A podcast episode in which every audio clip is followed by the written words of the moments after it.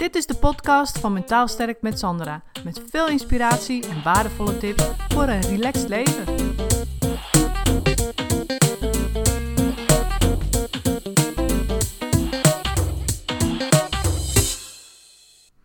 Ik weet niet of jij er wel eens mee te maken hebt gehad in misschien gewoon je leven, je omgeving of in je werk. Maar ik wel. En dan heb ik het over ja maar mensen. Nou, ja maar mensen, dat zijn mensen die zeggen overal ja maar op.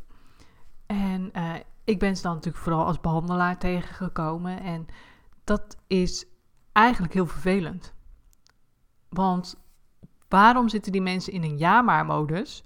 Over het algemeen omdat ze niet gemotiveerd zijn om te veranderen. En als jij bijvoorbeeld iemand heel erg veel advies geeft en die persoon blijft maar zeggen ja maar dit of ja maar zus, ja maar zo, dan hebben ze of een eigen overtuiging die ze niet willen veranderen, of ze kunnen gewoon en willen niet in mogelijkheden denken. Dus dat is ook wel belangrijk dat je jezelf dat realiseert van oké, ik heb hier te maken met iemand die waarschijnlijk gewoon niet gemotiveerd is om het anders te doen en liever ja, in de ja maar modus blijft hangen dan, uh, dan dat diegene ja, in mogelijkheden gaat denken en gaat proberen te veranderen. Maar het is wel, wel grappig, want je kan er toch wel wat mee. En mensen die, die even heel vaak ja maar zeggen, daar, daar kun je echt wel wat mee. En het is heel grappig sowieso om ze daarop uh, te attenderen. Dus op het moment dat ik iemand heel veel ja maar hoor zeggen, dan zeg ik eigenlijk vrijwel, nou als ik een paar ja maar's heb gehoord, weet ik al genoeg. En dan zeg ik vrijwel, als je dat woordje maar nou is veranderd in en, wat gebeurt er dan? En dan wordt het altijd even stil. Dan moeten ze na gaan denken. Want ja, ze zijn zo aan het ratelen. En wat zei ik eigenlijk? En ik heb natuurlijk die zinnen wel onthouden. Dus dan uh, zeg ik even na wat ze gezegd hebben. Bijvoorbeeld, ja, ik zou dat wel graag uh, willen doen, maar dat is moeilijk. Of ja, ik zou het wel graag willen doen, maar ik heb er geen tijd voor. Of weet je wel. En dan laat ik ze dat dus opnieuw zeggen, maar dan met het woordje en. Ja, ik zou het wel willen doen. En ik heb er geen tijd voor. Ja, het zou, ik zou het wel willen doen. En het is moeilijk. En dan vraag ik altijd, wat gebeurt er nu? En dan moet ze altijd even denken. Maar uiteindelijk komt toch iedereen tot dezelfde conclusie. Namelijk, als je maar zegt, dan los je niks op. Hè? Dan is het een probleem.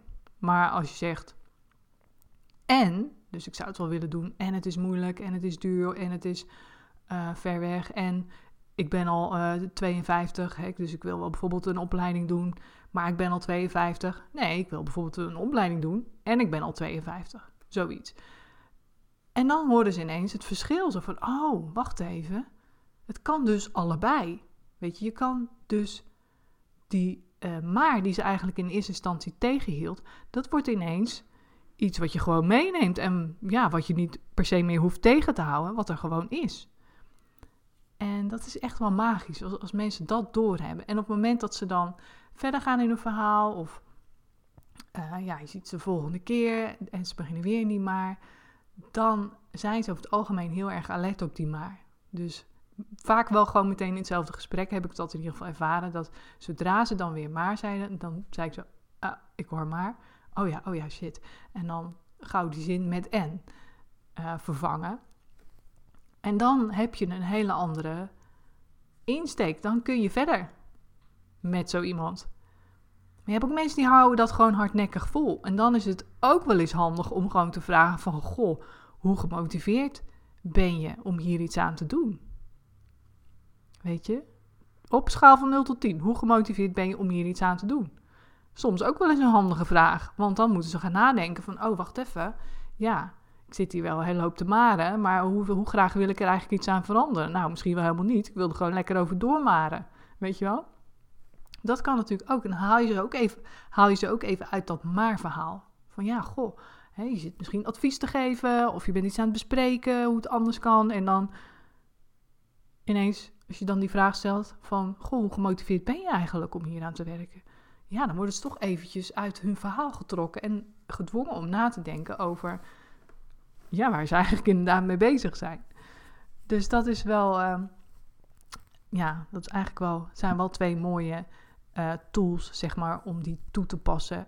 En het illustreert ook eigenlijk weer hoe onze taal, zeg maar, dus de taal die we spreken, welke woorden ons dus heel erg vast kunnen zetten. Dus dat het woordje maar is er eentje, maar, ehm, maar zeg ik dus, maar eh, en, nee en, eh, en het woordje, ehm, ja, zijn, dus het, werkwoord zijn, zeg maar. Dus als mensen zeggen van ja, maar ik ben nu eenmaal een perfectionist of ik ben nu eenmaal onzeker, dat is ook zo'n taalkundig woord, of gewoon een werkwoord, waar mensen zich mee vastzetten.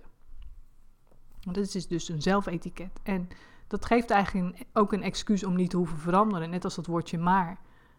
Dus ja, maar ik ben te moe, ja, maar ik dit, ja, maar dat. Of ja, maar ik ben nou eenmaal een perfectionist, kan ik niks aan doen. Ja, maar ik ben nou eenmaal onzeker, dus dat durf ik niet.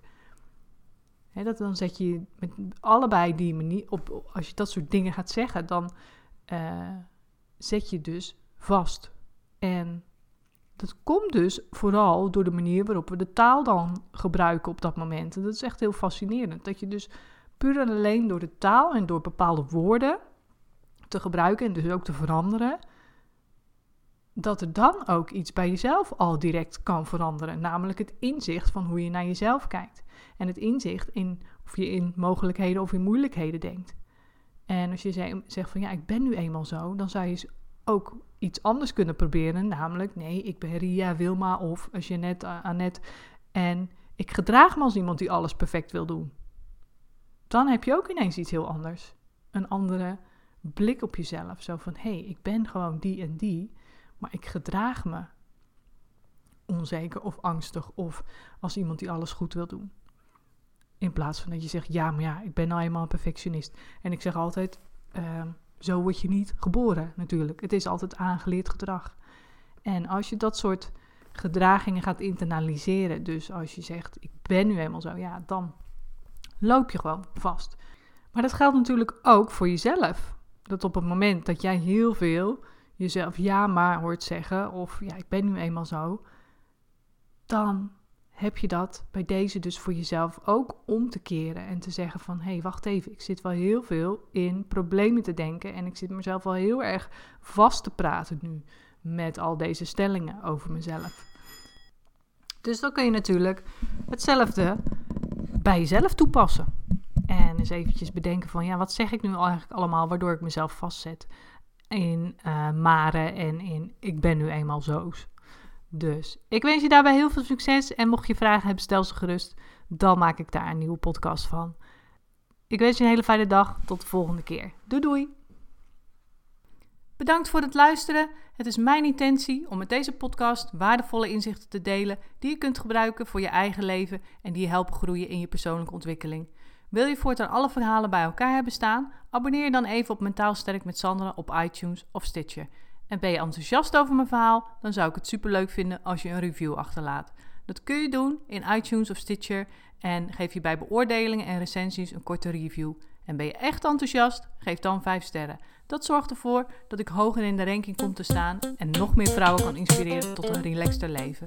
De dank is groot als je dat even voor me wilt doen. Tot de volgende keer bij een nieuwe uitzending.